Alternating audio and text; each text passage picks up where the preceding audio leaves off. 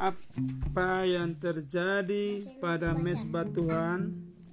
1 Samuel 5 6 7 sampai ayat 11 dengarkan bagus-bagus dulu hei orang-orang Palestina gembira bahwa mereka telah merebut mesbah Tuhan. Mereka membawa ke salah satu kota mereka. Ilah orang Palestina itu sebuah berhala namanya Dagon. Mereka telah membangun sebuah rumah untuk Dagon. Dewanya dewa orang Palestina Dagon.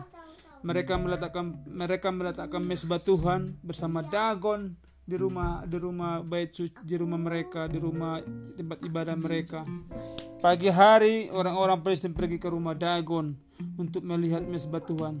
Mereka membuka pintu, tahu apa yang terjadi sama dagonnya? Jatuh. Iya, sang berhala itu tergeletak di lantai, jatuh di hadapan mesbah Tuhan.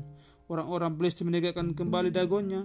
Pagi berikutnya, orang Palestina pergi lagi ke rumah Dagon untuk melihat mesbah Tuhan. Mereka membuka pintu, dan apa lagi jatuh lagi dagonnya. Kali ini kepalanya dan tangan dagon terlepas patah. Lalu orang-orang Palestina pun takut sama pera, sama uh, mesbah Tuhan itu. Setelah itu banyak orang Palestina pun jatuh sakit. Lalu mereka membuat tambah takut Cium gak tenang. Hmm, kepada perahu itu mereka kepada mesbah Tuhan itu. Mereka tahu bahwa Allah tidak berkenan. Mereka mem- memiliki memiliki memiliki mesbah Tuhan itu. Jadi orang-orang Palestina mengirimkan mesbah Tuhan itu ke, ke kota lain. Tapi orang-orang di kota itu juga jatuh sakit. Mereka tidak menginginkan mesbah Tuhan itu ada di tengah-tengah orang Palestina. Mereka mengirimkannya ke kota lain kata orang orang-orang di kota itu. Mereka me- mereka melihat mesbah itu. Mereka berkata kami tidak menginginkannya mesbah itu membuat kami juga jatuh sakit. Lalu pemimpin-pemimpin orang Palestina mengadakan rapat. Mereka mengada- mengatakan mereka akan mengirimkan mesbah itu kembali ke tanah Israel. Orang-orang Palestina membuat sebuah kereta baru untuk mesbah untuk mengangkat uh, mesbah Tuhan itu.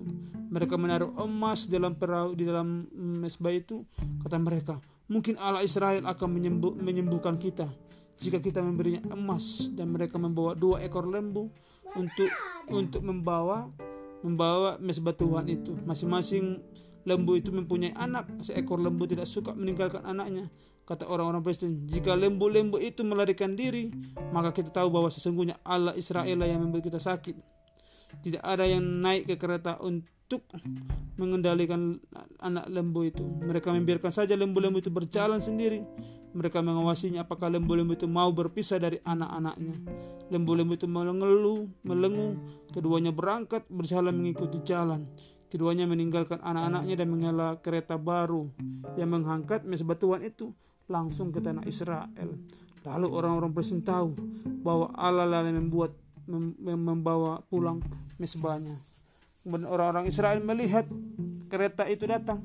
Mereka melihat ada mesbah Tuhan di atas kereta itu dan mereka pun bersuka cita. Amin.